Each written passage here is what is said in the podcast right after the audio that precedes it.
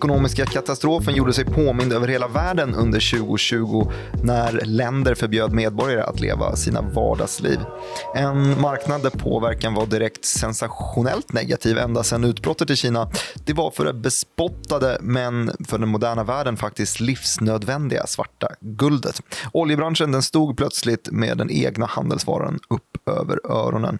Fler och fler aktörer i marknaden drog sina sista andetag, men inte av coronaviruset i sig utan som drunkningsoffer i den egna handelsvaran. Kedjeeffekterna har slagit världens förståsigpåare med häpnad. Efterfrågekraschen följdes av en maktstrid mellan världens största producentländer. Hur länge kan priskraschen fortsätta innan det innebär dödsstöten för hela branschen? Och vad är det för världsordning vi kommer se när coronapandemins ekonomiska katastrofscenario kan betraktas i backspegeln? Det här det är Follow the Money, det är en podcast från nyhetsbyrån Direkt som är ledande inom finansiell rapportering här i Norden. Och det är med mig Martin Nilsson och med dig Joakim Rönning. Hur mår du? Bra. Skönt. Vi ska snacka olja idag om du inte Mm. förstod det av introt där. Det gjorde du. Eh, vad, vad, är, vad är nytt på, på västfronten? Ja, det är inte västfronten vi snackar om här. Det, det är en inblandad aktör. Ganska mycket östfronten. Östfronten framför allt. Ja, just nu är det i alla fall väldigt mycket östfronten. Ja, Saudi och Ryssland som håller på och kivas. mm, det gör de. Det här är ju någonting som eh, man bemötte under den senaste här, coronarapporteringen innan den här maktkrisen. Corona, eh, Mm. Vi har varit inne på det, Exakt, vi snackade om det som en katalysator. Att oj, nu har det börjat skaka i fogarna. Mm. Vilka satt lösast? Jo, det var tydligen Ryssland och Saudiarabien som satt lösast. Vi ska komma in på det. Men jag tänkte nu när vi har ett oljeavsnitt. Någonting som blev väldigt bra när vi snackade olja senast var att vi fick en liten tillbakablick tycker jag. Jag Recap. tycker om att ja, använda din, din kunskap. Eh, Så att vi kanske inte går hela vägen bak till de sju systrarna utan det får man kolla i vårt tidigare avsnitt Mm. i så fall. Men eh, typ sen OPEC bildades, kan du dra en liten hisspitch? En hisspitch på f- 45 år kan jag Ja. göra. Ja, visst. Uh, OPEC grundades eh, på 70-talet under, eh, skapade en oljekris. Uh, prisstegring deluxe. Mhm. Och man kan väl säga att den prisstegringen pågick egentligen ända till och med finanskrisen 2008-2009 där. Mm. Eh, och då i olika faser. Men det som jag tycker man mest ska prata om är väl den som skedde under 90-talet och fram till och med finanskrisen eh, i Kina. När Kina gick och blev en eh, industriell maktspelare, gick från att vara ett Just det, helt tredje plötsligt så- världen-land till att behöva olja i, riktigt stora mängder. Och när de liksom ökar på den här efterfrågan på olja hela tiden så Precis. trycker man Efterfrågedrivet pris, eh, prisökning som ju heter duga. Mm. Ehm, och där på toppen då, eh, där man stod 2008 innan Lehman Brothers gick i konkurs och vi fick en eh, total finanskris. Mm. då var ju priset uppe på 140-150 dollar per fat på Brentoljan, Nordsjöoljan. Ehm, vi kanske inte ska sönderdela det, men vi kan prata om Brentolja Ja. i stort. Kan vi, kan vi då snacka om vad, vad skillnaden är mellan, Ja, det är mellan vart man och utvinner VTI? den egentligen. Eh, VTI står för West, ja, alltså WTI är ju ett annat kontrakt som man ofta West jämför. Texas Intermediate. eller? Precis, och det är ju då olja som är utvunnen i ja, USA. Mm. Och som, eh, den är lite lättare och sötare än vad Brent-oljan är som är lite tjockare. Eh, och eh, den, alltså det finns då ett, en utgångspunkt för vart man mäter kontraktet där. Eh, hur mycket det ska kosta, Mm. ett fat olja. Och det är Cushing i Oklahoma. Eh, och därifrån, eller dit kommer den mesta oljan ifrån västra Texas. Då, så det är därifrån det kommer. Och eh, Brentoljan då, det är Nordsjöolja, alltså öster om eh, Brittiska öarna och bort till oss här, Norge och Sverige.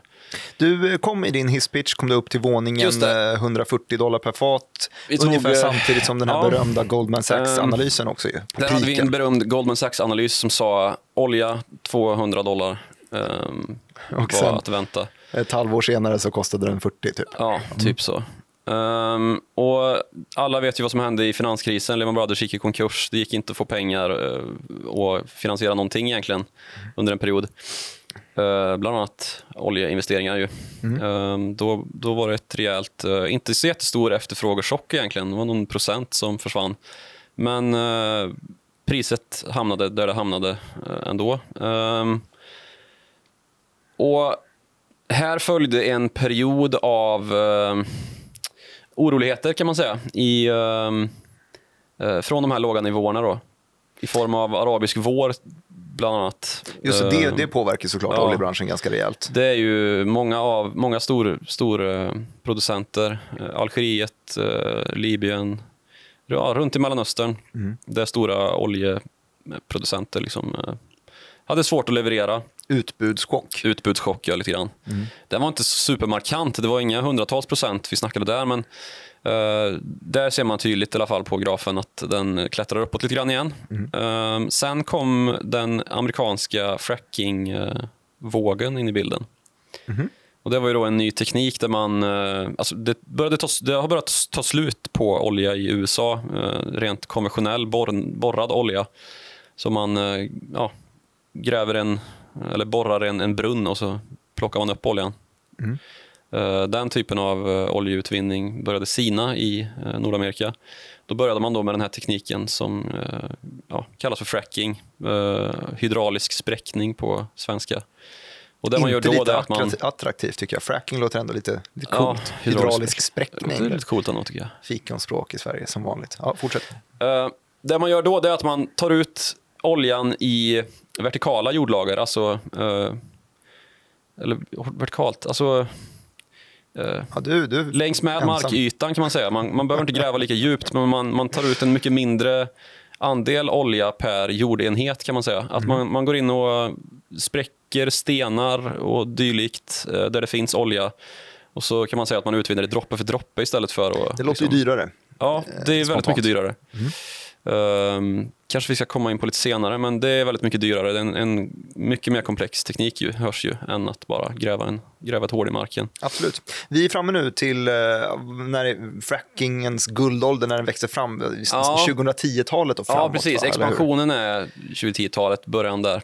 Uh, och den gjorde ju USA till världens största uh, producent av olja.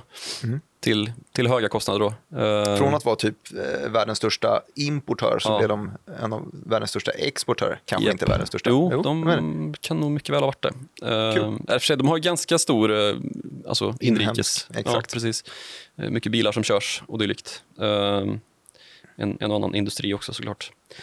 Eh, men, men ja, de blev en nettoexportör i alla fall och det var väl första gången i, på väldigt länge. Mm.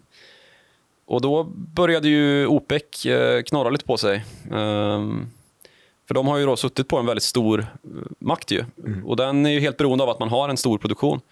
Och när USA då kom ikapp och gick förbi eh, så blev det ju lite skakigt där. Hur ska vi göra nu? när vi inte har den här makten att via utbud då, så här, gå ut och säga att Nej, men vi sänker utbudet och driver upp priset. Mm. det är ju så man gör de facto i OPEC. De blev lite utsatta för, för det som de Ja, det blev Sju ju... systrarna blev utsatta för av OPEC. Kan man säga. Ja. Eh, på sätt och vis. Sju systrarna då, som vi inte skulle prata om. Just det. Släpp dem då. Ja, nej, men det, det, man gjorde då det var ju att sju stycken bolag eh, styrde priset egentligen. Så som OPEC har gjort de senaste 40 åren. Och i och med att OPECs makt minskade då med att USA kom in i bilden och började pumpa en massa och ta deras maktmarker. Liksom. Exakt, så... och inte längre köpa deras olja utan fixa egen. Bara ja, eller i alla fall påverka deras, deras påverkansmakt eh, rejält. Mm. Um, så kände väl OPEC att uh, det här får vi ju göra någonting åt. Och uh, det var då Ryssland kom in i bilden ordentligt. Mm. Så 2014 så, så utspelade sig ett uh, priskrig där man via istället då produktionsöka försökte ta marknadsandelar och Det som sker då är ju de facto att man trycker ner priset med hjälp av sina produktionsfaciliteter. Alltså att man öser ut olja på marknaden så blir det billigare för producenter. Mm. Till slut så når man en brytpunkt där vissa producenter, då, som ja, men amerikanska till exempel, som producerar till en mycket högre kostnad, då, inte kan överleva. Eh, det är för övrigt precis där vi är just nu. Eh, det och, låter som en ganska hälsosam eh, fri marknad egentligen. Ja, visst. Och det är ju det som OPEC omöjliggör. Mm. det är en kartell i dess exakt rätta bemärkelse. Att man gör upp om vad en sak ska kosta mm. bortanför marknaden. Uh, eller i alla fall att man manipulerar uh, marknadsmekanismerna på det mm. sättet. Och till slut då, när, i, i slutänden på det här priskriget så följde det som kallas för OPEC plus. Eh, och plusset där utgörs av Ryssland i, ja, i praktisk mening. Det är en, ett gäng till. Eh, Kazakstan bland Kazakstan annat. är väl de enda som har något, eh, någon liksom produktion att tala om. Ehm, Någon gång, eh, Joakim, ska vi göra ett avsnitt om eh, hur dåliga vi har blivit i världen på att hitta på nya namn. Vi snackade QE Infinity i förra avsnittet. Det OPEC nice. plus. OPEC plus är svagare tycker Det jag. känns som att, ja, vad, vad blir det sen? OPEC plus plus? Vad blir det sen på QE Infinity? Mm, vi får se. Ja, nej, vi, eh, vi Det fortsätter låter som med det vi pratar en, om. vad heter nej, Marvel-filmerna kanske? Ja, Ja. exakt. Nej, men eh, där är vi då eh, 2015 typ. Eh, så börjar oljepriset då tugga uppåt igen. Mm. Och det är ju då de här stora eh, liksom, utbudschockerna som man... Eh, är det, man kapade utbudet helt enkelt. Förbjöd eh, produktion. Man har, man har möten, vadå, typ månadsvis, kvartalsvis. Ja, kvartalsvis har man eh, summit nere i Wien. eh, Där man då sätter sig ner Käka och, eh, gott. Käka jäkligt gott kan jag tänka mig. Shejkerna emellan skakar hand och kommer överens om hur mycket man ska producera. Exakt så det går till. Gött. Ehm, och ja, som sagt, där, därifrån har priset klivit upp uh, sakta men säkert. Men Fram så, till och med eh, ja, januari i år Mm. har, det, har det varit i någon mån en positiv prisutveckling. Då. OPEC plus, när man kom överens om att, eh, av att Ryssland skulle vara med i OPEC och bilda då OPEC plus, då fick man en bättre kontroll över den här industrin. Ja. Då kunde man behålla det här eh, utbudsmonopolet på något sätt Just det. Och behålla priserna Man satt på... plötsligt på mer än 50% av världsmarknaden då i produktions... mässigt. Exakt. Men det där förhållandet verkar inte ha gått jättebra mellan då Saudi och, och Ryssland. Nej, eh, inte så värst många år ju. Eh, för nu sitter man ju i en ny riktig, riktig priskrigar, eh, ja, priskrigställning. Mm. Och det här har ju... Ja, det här blev konsekvensen av eh, covid-19 kan man väl säga. Eh, Men det var ju liksom innan, eh, de här kriserna har bakats ihop lite, Mm. det känner jag. Att man tog, alltså, oljepriskrisen kom samtidigt som covid-19. Ja, det gjorde den. Eh, Det, det nämnde vi också redan i, eh, alltså innan covid kom till Europa, innan det kom till USA.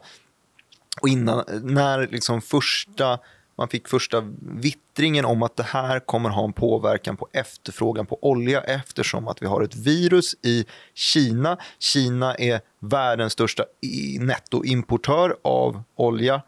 Eh, och eh, stänger de ner fabriker och inte behöver lika mycket olja längre, då kommer det här synas på eh, priset. Mm.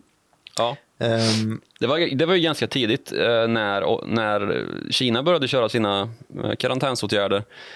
Eh, bara några, några veckor efter det så, så var det ju liksom eh, tydliga rapporter då från, som publicerades av I- IEA, bland annat Internationella energimyndigheten, eh, om att Kina har liksom 20% lägre efterfrågan.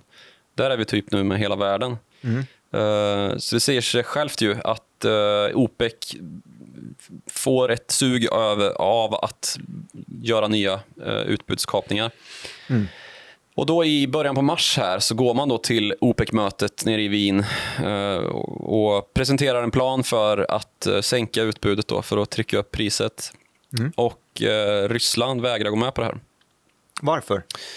Det, det man sa var att man vill vänta på en mer klar, klarlagd bild över hur, eh, ja, hur coronaviruset kommer påverka efterfrågan eh, mer konkret. Då. Så att man ville vänta till nästa möte med nya produktionsinskränkningar. Eh, nästa möte tycker alltså i jag juni. känns, känns rimligt på något sätt ändå. Ja, eh, fast ändå inte eftersom att eh, de här utbudssänkningarna som man hade då aktuella, de, de gällde fram till och med första april.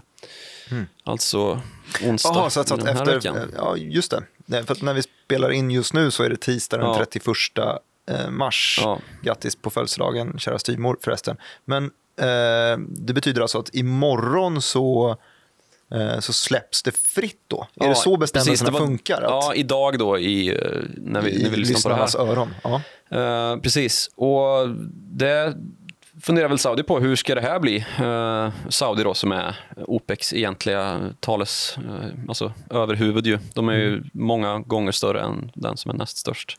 Som är Irak. Um, ja, så att man sitter ju på den reella makten. Alltså Saudi, OPEC är ju, det är ju sällan man kan liksom, dela på de två. Mm. Uh, vad det gäller liksom, uh, ja, potens liksom, i, i frågorna. Och Det som skedde var att Saudi tyckte att det här var fullständigt orimligt uh, och blev förbannade och gick hem och fick någon sorts uh, frispel där under helgen och tänkte uh, YOLO och ja, meddelade marknaden om att man kommer ge jättestora rabatter. Och att... Är det så här du har skrivit i dina artiklar också? Rubrik säger YOLO, bara eh, Mohammed bin Salman får frispel, ja, det, YOLO. Det, är lite det den känslan, det var lite den känslan man fick där under den helgen. Uh-huh. För Mohammed bin Salman då, som är den administrativa ledaren i Saudiarabien, mm. eh, det är inte han som är de facto ruler, som det brukar stå i Wall Street Journal. Men han är, eh, eller han är de facto ruler, men det är inte han som sitter på kungatronen, utan det är hans far. Då. Mm. Ja, det har vi snackat om ja, förut. Som är också. en gammal stöt som inte väl, eh, ja, har så mycket att ge längre. Nej. Han är alltså 85 uh, eh, rätt uh, upp, uppväxt i en uh, guldbur. Mm. Och uh, ja, hans liksom diplomatiska aura är lite, den är lite tveksam. Alltså. Det är så? Han, han har ju stått för väldigt mycket från början då att han, var, han reste jorden runt och propagerade för hur, hur Saudiarabien skulle förändras. Mm. Men sen så verkar han ha fått ganska mycket bassning för det när han kom hem då av, av de mullor som egentligen styr Saudiarabien lika mycket som kungafamiljen gör. Mm. Uh, att här ska vi inte förändras så värst mycket. Vet du. Uh, och därefter så har han ju blivit allt mer auktoritär och uh, ja, de, här, de här reformerna som han har presenterat har ju blivit ett, lite av ett skådespel. Det här med att kvinnor ska få köra bil och dylikt. Uh, och han har avrättat uh, journalister som har varit, uh, ja, talat till hans nackdel. Då, Washington Post, kolumnisten Jamal Khashoggi Det, det är alltså inte helt otänkbart, med det här i, i bakgrunden, det är inte helt otänkbart att uh, Mohammed bin Salman, hans temperament spelar en roll på hur Saudi har agerat i konflikten med, den Ryssland. Tanken ligger i alla fall ganska närliggande till mm. den här typen av ja, skeenden. Eller... Så vad var det de gjorde? De har varit där på, på mötet i Wien. Mm. Eh, Ryssland har sagt att nej, vi, vi öppnar, vi, vi producerar allt möjligt och så får, mm. tar vi en, ett nytt möte igen när vi har lite klarare eh, hur det här med covid spelar ut sig. Ja, det man egentligen ja precis. Och eh, sen så åker de hem därifrån. Mohammed bin Salman blir, blir eh, skogstokig. Vad gör han? Ja, men han, liksom med, han, han ger instruktioner till statliga oljebolaget Saudi Aramco att gå till marknaden och säga här får ni olja hur mycket ni vill ha till eh, ja, jättestora rabatter. Och Det styr ju världsmarknadspriset på olja naturligtvis. Mm. Uh, och Den makten har ju Saudiarabien för att de har så oerhört mycket av uh, världens viktigaste naturresurs. Liksom. Mm. Så att priset kraschar. Det var ju ner med liksom 25 procent eller någonting. När, eller 30, över 30 procent till och med tror jag. När handeln satte igång, då, kontraktshandeln, på måndagsmorgonen där. Mm. Så det var ju ett riktigt liksom, döds, dödsspiral. Ju. Att vi på ena sidan har en efterfrågekrasch i och med covid-19 och karantänseffekterna samtidigt som vi får ett priskrig eh, av världens, två av världens största oljeproducenter, Saudiarabien och Ryssland. För det som händer på världsmarknaden är ju att när Saudiarabien ger rabatter så måste Ryssland också göra det. Och så blir det då ett krig om marknadsandelar, just som jag försökte förklara här, med liksom att eh, det finns brytpunkter i marknaden för var någonstans eh, priset måste ligga för att vissa aktörer ska överleva. Då. Ja, men det har man ju förstått. Eh, jag som är lekman i oljebranschen i alla fall eh, förstår ju till exempel att det är klart att det är dyrare att utvinna olja genom eh, amerikanska frackingmetoderna. Det är dyrare för, säg, Norge mm. i Nordsjön. Det är djupa hav och det är dyra löner man ska betala till normen och så vidare. Det är klart att det är dyrare där än vad det är i, i Saudi där det var du som sa tidigare att man kunde stoppa ner ett litet sugrör i sanden och så mm. sprutar upp olja i princip. Ja, eh, ligger alltså väldigt ytligt eh, och mycket billigare att utvinna. Mm. Har du någorlunda koll vilka nivåer vi snackar om? Olja, oljepriset idag när vi spelar in ligger Brent kring 27 dollar per fat. Eh, jag tror att när vi inledde året så låg det väl kring 70 dollar per fat. Eh, och eh, piken i modern historia, har väl, riktiga piken var ju där kring 140 dollar vid finanskrisen, men det var även efter det, redan 2013 14 innan frackingindustrin riktigt drog igång, så hade vi ändå 120 dollar per fat plus ungefär. Eh, så det är en stor skillnad på 120 dollar per fat bara för 5-6 år sedan mot 27 dollar per fat just nu. Eh, vad, ligger, vad kostar det ungefär att utvinna ett fat Ja, i det, respektive del? ja, alltså, det kan ju skilja ganska mycket om man jämför bara vissa fält liksom med varandra. Eh, till exempel då så har man ju ett nytt väldigt stort fält som ska försörja norska oljeindustrin och även då Lundin Petroleum har ju en ganska stor andel i det. Sverdrup-fältet va? Sverdrup, Johan Sverdrup-fältet, ja precis. Eh, där har man kommit ner väldigt långt och det är ju för att det är ett så stort fält i ganska stor utsträckning. Det blir liksom en stordriftsfördel. Stort fält i stor utsträckning. Ja. Ja, men alltså, eh, det kan ju vara ett stort fält, men när det är... Dels att det är... Det är många aktörer som har slagit sig ihop där då, eh, på den här licensen. Och man utvinner olja med, eh, ja, men med en väldigt hög effekt. Liksom. Att man, eh, ungefär som när du, när du tillverkar eh, vad som helst annars. Att ju fler du gör, desto lägre styckpris blir. Alltså det blir gigantiska stordriftsfördelar. Eftersom Ja. att alla företag delar på den här hubben så är det Exakt. bara en stor... Man, man kan dela på Man, transporter. man delar på dela fasta kostnader egentligen. Ja, det, det är ju det man gör. Och som sagt, Sverdrup är väldigt långt ner då. Eh, Och det, de, jag vet, Lundin Petroleum har liksom publicerat siffror om att man har kommit ner un, klart under 20 dollar fatet i alla fall. All right. Eh, Så man kommer ju kunna ha positiva Så man är kassaflöden. lönsam på, typ lönsam på de här nivåerna? Ja, gud ja. Det är man. Man är ju mycket mindre lönsam än vad man- var när priset var det tredubbla för bara några månader sedan. Ja. Men eh, absolut, det kommer bära sig. Och Sen så finns det ju andra sätt att, att komma undan såna här eh, prishärdsmältor. Man kan ju hedga liksom och eh, ja, sälja fasta kontrakt på en högre prisnivå. Då. Då, Men exakt, det, det räknar jag med att de håller på med. Liksom, Ja, att de det gör ju- försöker alla. jämna ut kassaflödena. vet, Liksom. Africa Oil i alla fall läste jag någon analys, har väldigt, eh, ja, de kommer fixa det här en ganska lång period. Mm. Just för att man har hedgat till en lägre nivå än vad det var vid årsinledningen, men en eh, klart högre nivå än vad det är nu. Mm. Det var ett smart drag. Ja, men så då får de lite valuta för deras, eh, deras oljestrateger på så sätt. Helt Enkelt. Ehm, men eh, vad har vi mer för, om vi tar typ frackingindustrin, går det att få någon siffra eller är jag ute på helt fel typ av vatten här? Nej, fracking är ju mycket, mycket dyrare. Den kostar väl kanske ja, men runt 50 dollar plus. Eh, runt 50 dollar plus. Ja, det är bra med Jag är orden väldigt idag. tydlig idag. Eh, Ja, det är det. Där någonstans ligger man i alla fall på fracking-sidan. Och det säger de- de är ju inte lönsamma just nu, helt enkelt. De, det är de som drunknar i den här fina, det här fina intro. eh, Introtexten mm. Ja. drunknar i sitt överutbud. Mm. Eh, och Saudi är de som gör det billigast va?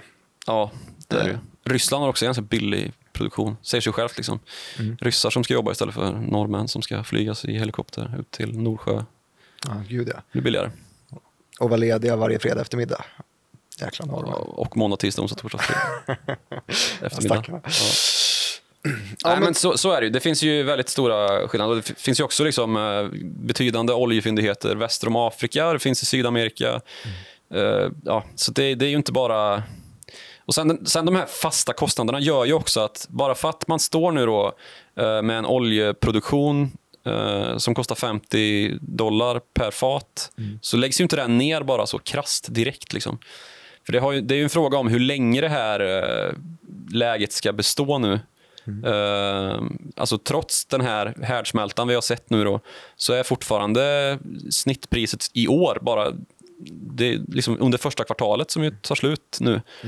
eh, över 50 dollar liksom, för att det har legat så pass där. långt över där vi, där vi är nu. Exakt, så att, så att bara för att priset sjunker på en handvändning så betyder inte det att man stoppar produktionen Nej, precis. direkt. Det finns ingen sån här, oj, nu gick priset ner under 50 dollar, då får vi stänga. Och, alltså, det, som sagt, det är licenser det här och man står med en produktion, en, man har leasat in sig på ett område, man har en massa maskin, maskineri där och så här, så att man har ju fasta kostnader som behöver täckas i den mån de kan täckas.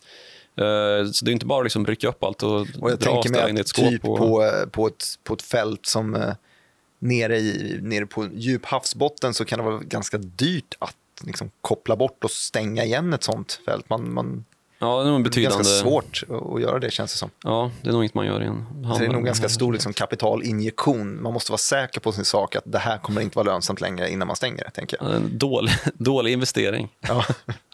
Så hur som helst. Men du, jag kommer att tänka på en sak här. Mm. Eh, och det är då de här tre spelarna. Vi har snackat Saudi, vi har snackat Ryssland, vi har snackat USA. USA och Ryssland har ju inte varit alltså, bästa polare eh, om vi snackar. Eh, du hisspitchade ju senaste 45 åren. Senaste 45 åren har ju inte USA och Ryssland varit jättebra kompisar. Eh, kan det vara så att det kanske finns ett litet, eller är det konspirationsteoretiskt att tro att det är med flit Ryssland pumpar ut asmycket olja för att bara sänka fracking i syn? Köra Alltså- det tillräckligt länge tills de konkar och inte kan vara med. Det är det här som är så spännande. Jag tycker att eh, energibranschen eller liksom energimarknaden är betydligt mer intressant att studera än börsen av den anledningen att det är här politiken utspelar sig egentligen. Eh, man kan ha mycket politiska idéer och ideologi och hit och dit men i mångt och mycket så är det geopolitiskt eh, energimarknaden som styr eh, vem som bestämmer över vad och vart. Och eh, en väldigt tydlig eh, variabel i det som utspelar sig nu är eh, gasledningen som går genom Östersjön, som det ju har pratats ganska mycket om här i Sverige och svensk media också. Jajamän. Nord Stream 2 eh, som kopplar ihop Ryssland då och ska försörja, eh, som ska försörja Tyskland med gas, eller i praktiken Europa. Liksom. Och Det här har ju tre olika presidentadministrationer i USA ställt sig på tvärs med. Liksom, att det här, vad håller ni på med, Euro- europeer? Ni ska vara på vår sida. Vi, ja, precis. Vi är, väst. ju väst. Liksom. Att man har lite så här kalla krigs... eh, Ja, i, det, är väl inte, det är väl inte så himla konstigt heller. Eh, Ryssland är en ganska så totalitär eh, form av vad det nu är man ska kalla det. Demokrati med en och samma president i ja, 20 år. Eh, och man menar då att via den här gasledningen så får ju Ryssland en jättestor liksom, eh, påtryckningsmakt över ja, men Europas största industrination, som ju är Tyskland. Exakt. Eh, och, och Det vill man inte se. Liksom. Och Det har inte bara med att göra att eh, amerikansk energi blir eh, liksom konkurrensutsatt av rysk energi. Utan också då eh, rent ideologiska... Eh, Då har de fått in en fot i dörren och då Ja, kan precis. då är nästa steg istället. Liksom. ja, Få Eh, inflytande helt enkelt. Ja, exakt. Inflytande, liksom sidan av politiken, eh, är ju den största sidan. Och Men- eh, Nord Stream 2 har ju, den, den byggs ju, liksom. den är ju snart klar. Och De bolag som har byggt den här de har fått sanktioner på sig på ungefär samma sätt som de bolagen som varit kopplade till eh, invasionen på Krim, då, eller inte invasionen i sig, men eh, de, eh, den ekonomiska verksamhet som pågår där då under rys, ryskt överinseende. Just det, istället för en, ett militärt försvar från USAs sida så satte man sanktioner på... Ja, det är så man jobbar numera eh, i allt större utsträckning. Man har inte gått i krig med varken Ryssland eller Iran, men man har ju ja, handikappat dem med sanktioner istället då, som gör att man inte kan agera som en finansiell eh, liksom, Med det här hotet om dollar clearing. Som, precis, som vi har ältat. Det har vi. Eh, Nord Stream 2 då, den har ju trots allt blivit, blivit klar. Och, eh, en, en, det, har- det har ju då blivit en nagel i ögat på eh, den ryska administrationen att eh, USA håller på och försöker som sagt handikappa den ryska energiindustrin.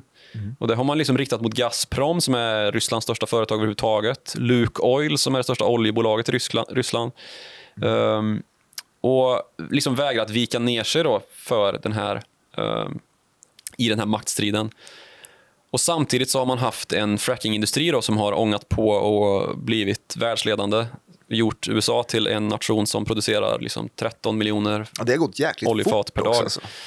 Eh, ja, det gick ju väldigt fort. Och Det hade väl mycket att göra med att man hade sån... Alltså, ja, olja, även om Saudiarabien är liksom bara känt för eh, totalitär regim och eh, olja så är ju olja en i grunden amerikansk produkt. Ju.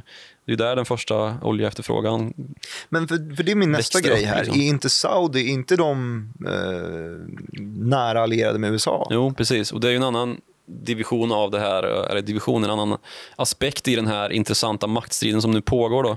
Att Ryssland har ingen, eh, liksom, det, det är inte, inte många tårar där för att den amerikanska frackingindustrin eh, är på väg att, att dö. Liksom.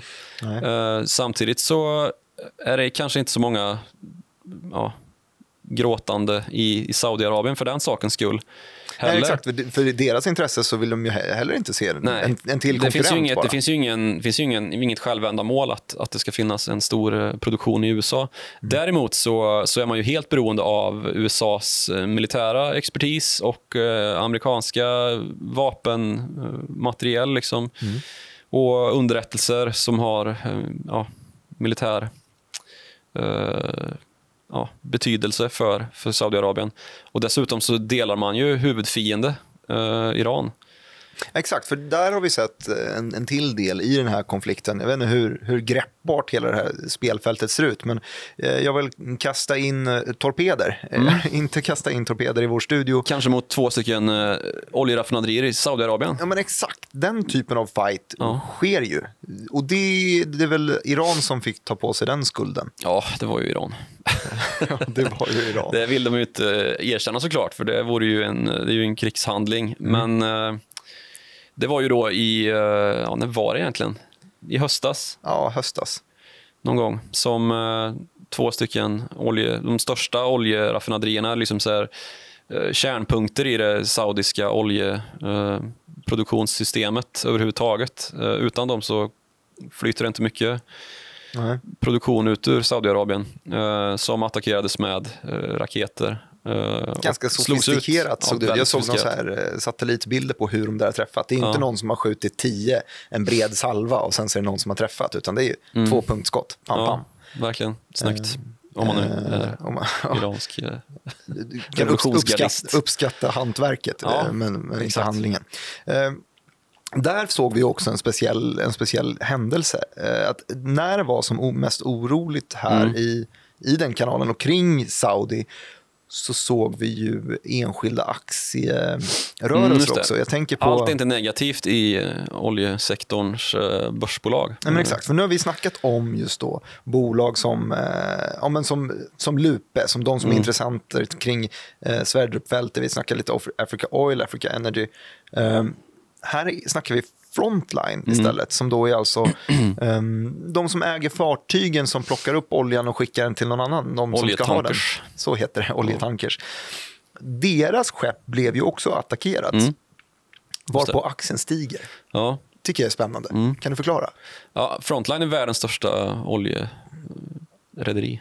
Så eh, när det här var ju då i, i Hormuzsundet när det började, eller det här kanske var i Omanbukten, men det började attackeras eh, fraktfartyg, då, oljefraktfartyg. Och det innebär ju att det blir dyrare att skicka in, eh, alltså den riskpremien går ju upp då liksom, på att skicka in tankfartyg i det här området. Exakt. Få kaptener som vill in där och grotta. Precis. Eh, lite, ja, som sagt, riskpremie. Liksom. Eh, och det tjänar ju oljebolag, eller fraktbolagen på. Då.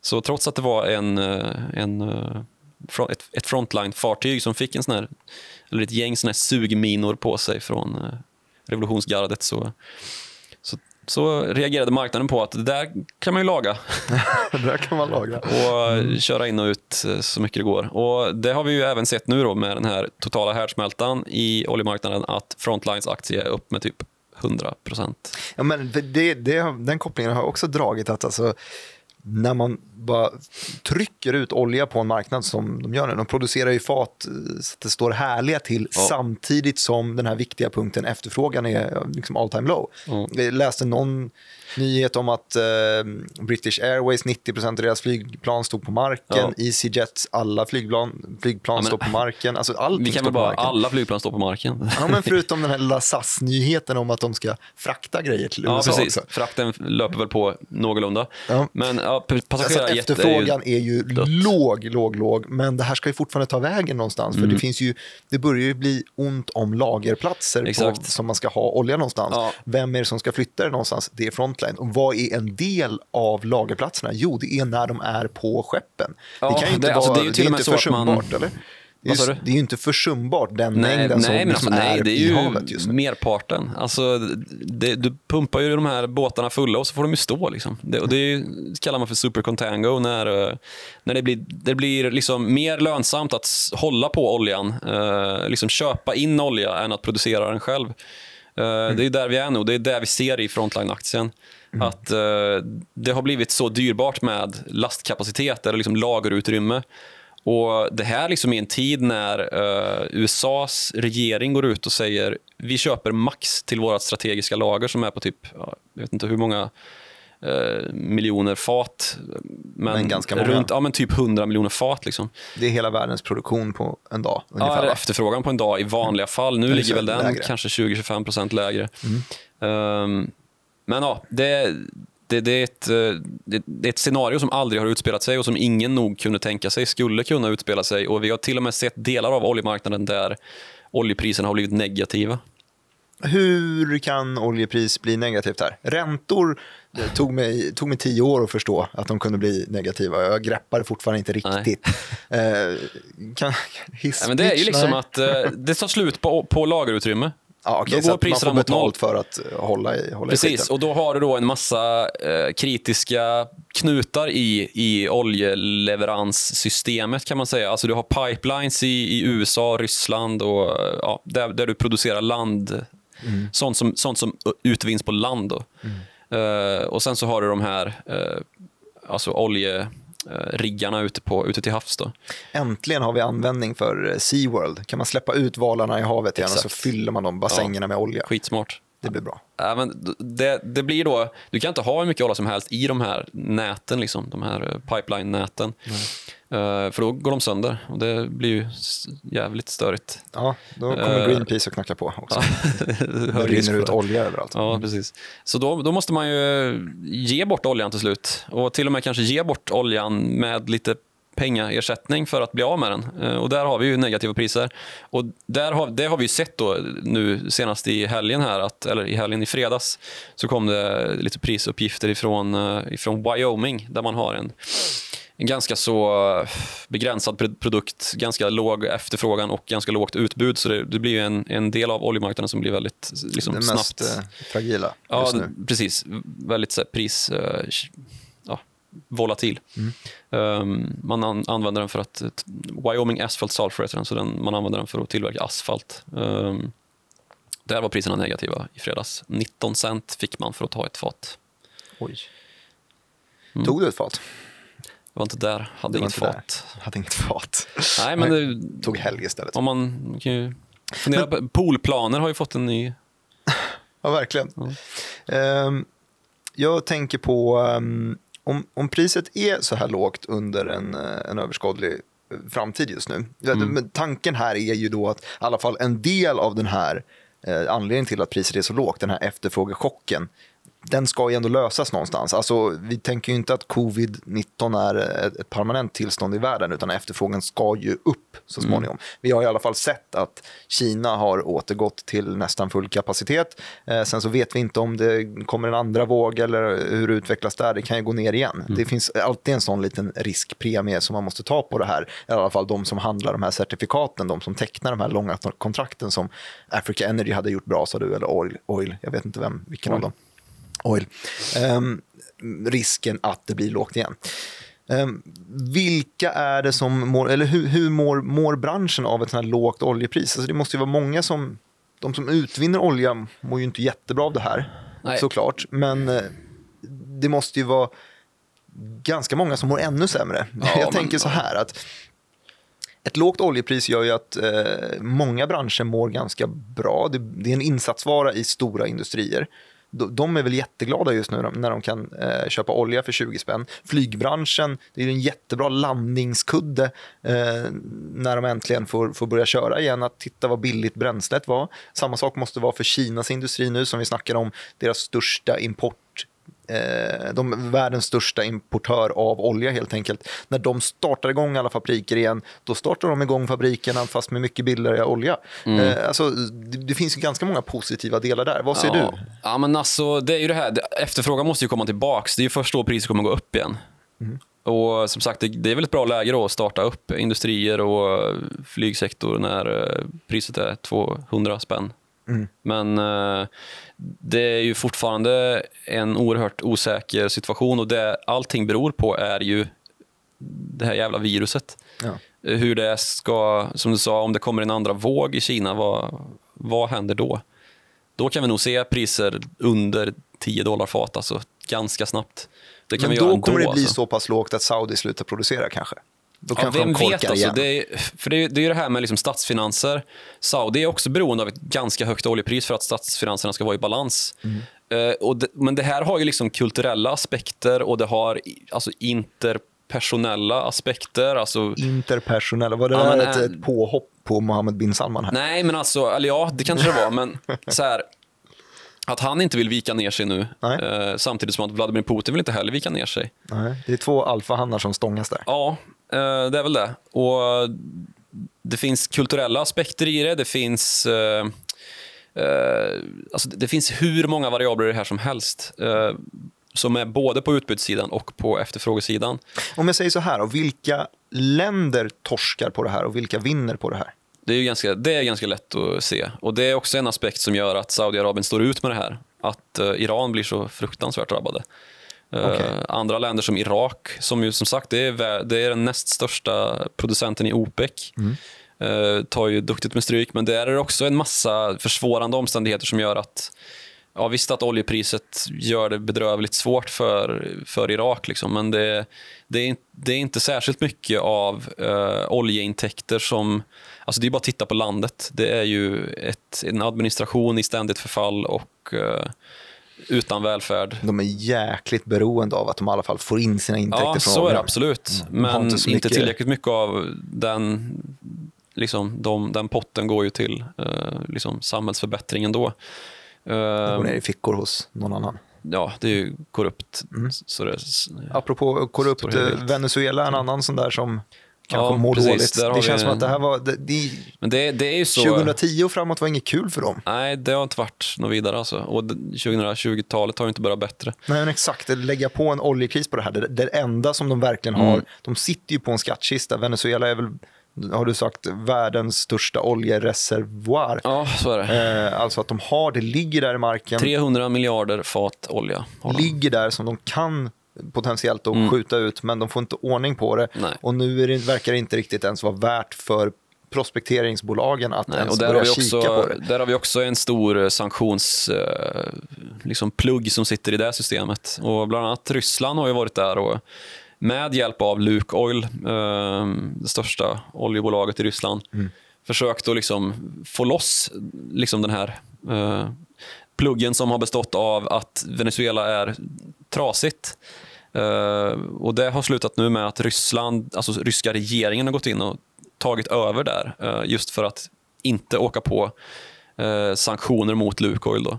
Det kan vara så att, antagligen fattade lyssnarna, jag, jag hängde inte med. Alltså, Lukoil, ryska Lukoil, Mm. går in, köper stek i, eh, Ja, i Pidevsa Venezuela. då, som är det statliga venezuelanska oljebolaget och försöker hjälpa dem med att få igång produktionen igen. Ja. För det har ju varit ett, liksom, ett sorgebarn eh, de senaste tio åren sen, sen eh, ja, Maduro har inte suttit tio år, men han som är nuvarande regimledare där.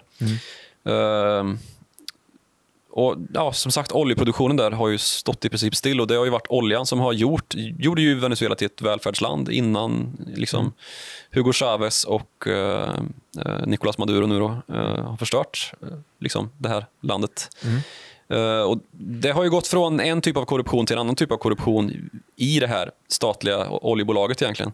Eh, där det först var liksom privat tillsatta tjänstemän i, som, som liksom försnillade eh, oljeintäkter till att ha gått till eh, regimen. Då. Um, och så har det blivit ja, hyperinflation och totalt liksom, statsbankrutt. Uh, och USA har ju engagerat sig för att den här regimen ska falla. Och Det gör man ju i ganska så stor utsträckning via sanktioner då, mot eh, regimen som ju gör det ännu svårare för eh, ja, mannen på gatan, kvinnan på gatan att eh, ja, klara sig överhuvudtaget, för det finns inga jobb. Liksom. Mm. Och De jobb som finns eh, där får du ändå ingenting betalt för att pengarna är inte är värda någonting, för att de liksom skiftar i värde på över en natt med flera hundra procent. Liksom. Mm. Uh, och då har Lukoil då gått in och försökt ta en strategisk position då för att uh, kunna uh, ja, få till ett utbud då av, uh, få igång produktionen igen av den här enorma reservoar som man har i Venezuela. Mm. Um, och då har ju USA riktat, eller börjat rikta sanktioner mot Lukoil, i alla fall varslat om att det här kommer ske om det inte ger er av. Och så har ju nu skett då kan man säga, där staten har gått in och köpt upp de här andelarna av Lukoil. Eh, de andelar som man tog i Pedevsa. Så nu är Ryssland delägare i Venezuelas ekonomi. Eh, Eh, och, det var en jäkla side-note. Intressant. Det, det, det, är så världspolitiken eh, fungerar via sanktionslistor. Jag sa en sak som var intressant förut. Alltså, jo, eh, tanken slog mig nämligen här att det är ju såklart de som eh, drabbas hårdast av det här, av ett lågt oljepris. Mm. Och då tänker jag på, när jag säger de, är ju prospekteringsbolagen. För att, Just det, där var vi. Det var där vi var. Och jag sa att ah, det kanske inte är värt ens att gå dit till Venezuela och börja se, kan vi, kan vi göra någonting här? Och det är ju såklart, ligger oljepriset lågt länge, de som har lite reserver, de klarar sig. Ryssland klarar sig, Saudi klarar sig, eh, USA klarar sig nog kanske ett tag till. Jag vet inte hur frackingindustrin mår i och för sig. Det kanske vi kan gå in på också. Eh, men det är svårare att få ihop kalkylen just nu på att dra ihop ett gäng och leta upp nya mm. oljefynd. Ja, den absolut. branschen måste gå dåligt. Ja. Serviceindustrin till den branschen måste gå dåligt. Jag tänker spontant, jag kan inte den så bra, men nor norrmännen har ett företag som heter Subsea 7 som mm. håller på och pysslar i den eh, delen. Aker BP är ett serviceindustriföretag till hela oljebranschen. De har säkert lite mindre business på den sidan av delen. Mm. Sen så är de som heltäckande så att de har annan business också. Eh, men vi ser nog kanske inte så mycket nya eh, nya projekt som sätts igång till Nej, det här priset. Och det gäller ju även för de stora olje, liksom big oil-bolagen. Mm. Att man inte, just när lönsamheten går ner så mycket, då, att man kommer i närheten av den här brytpunkten för när verksamheten överhuvudtaget är lönsam. Mm. Det man får skära ner på först är ju investeringar. Ja, men exakt. Man kommer ju säkert, de som redan utvinner olja de kommer mm. ju fortsätta göra det ett ja. bra tag till. Men, eh, men just nya grejer, mm, det vet mm. fan. Nej, och Det finns inga oljebolag överhuvudtaget i hela världen som mår bra av det här. Det ska man inte inbilla sig. Det är ju inte Saudi Aramco heller, trots att man har liksom en, en, eh, ett, en brytpunkt på, för när, när man kan ha ett positivt kassaflöde som är betydligt lägre än vad, än vad de flesta andra bolag har i världen. Uh, och som sagt, det är ett statligt bolag som, som är kopplat till, till saudiska staten och som har en, liksom en brytpunkt för när statsfinanserna är i ordning där oljepriset behöver ligga på över 80 dollar. Så det, det här får ju liksom rejäla konsekvenser uh, geopolitiskt även av den anledningen. Mm. Och om det här pågår alldeles för länge och saudiska regimen ger sig fan på att nu ska vi, nu ska vi liksom svälta ut marknaden eller övergöda ut marknaden.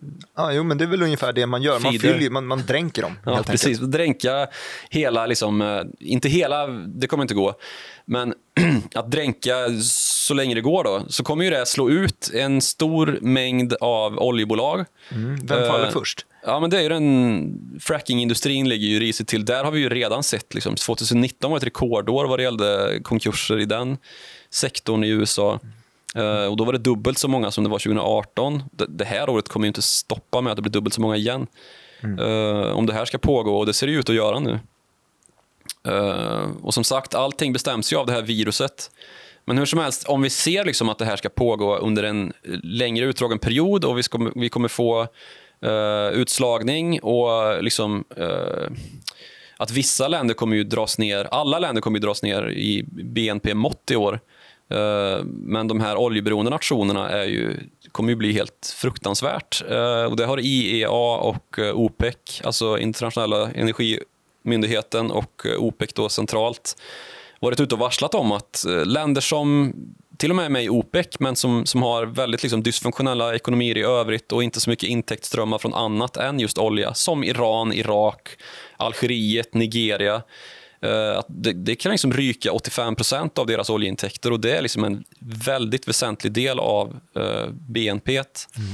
Eh, och vad det genererar i, i liksom inrikespolitiska oroligheter av till och med svältkatastrofer, liksom, det är helt oöverblickbart ännu. Men jag tror att det som väntar efter den här eh, epokgörande krisen som vi går igenom nu i oljemarknaden mm. är liksom ett helt annat eh, ja, men makropolitiskt spelplan. Man får rita om lite vem som sitter på brickorna helt enkelt. Ja, helt och hållet. Och jag tror väl att det här kommer i någon mån eh, till slut landa i att ja, men Ryssland kanske svälter ut, eh, eller Ryssland kanske bidrar till att liksom svälla över marknaden med, med utbud då, fram till och med ja, Trump, det blir klart om Trump kommer fortsätta efter eh, november här när det är presidentval i USA. Eh, så får vi väl se om man sätter sig ner då och instiftar en ny OPEC-lik varelse. Får du kanske möjlighet att... OPEC plus Infinity? Ja, precis. OPEC plus Infinity.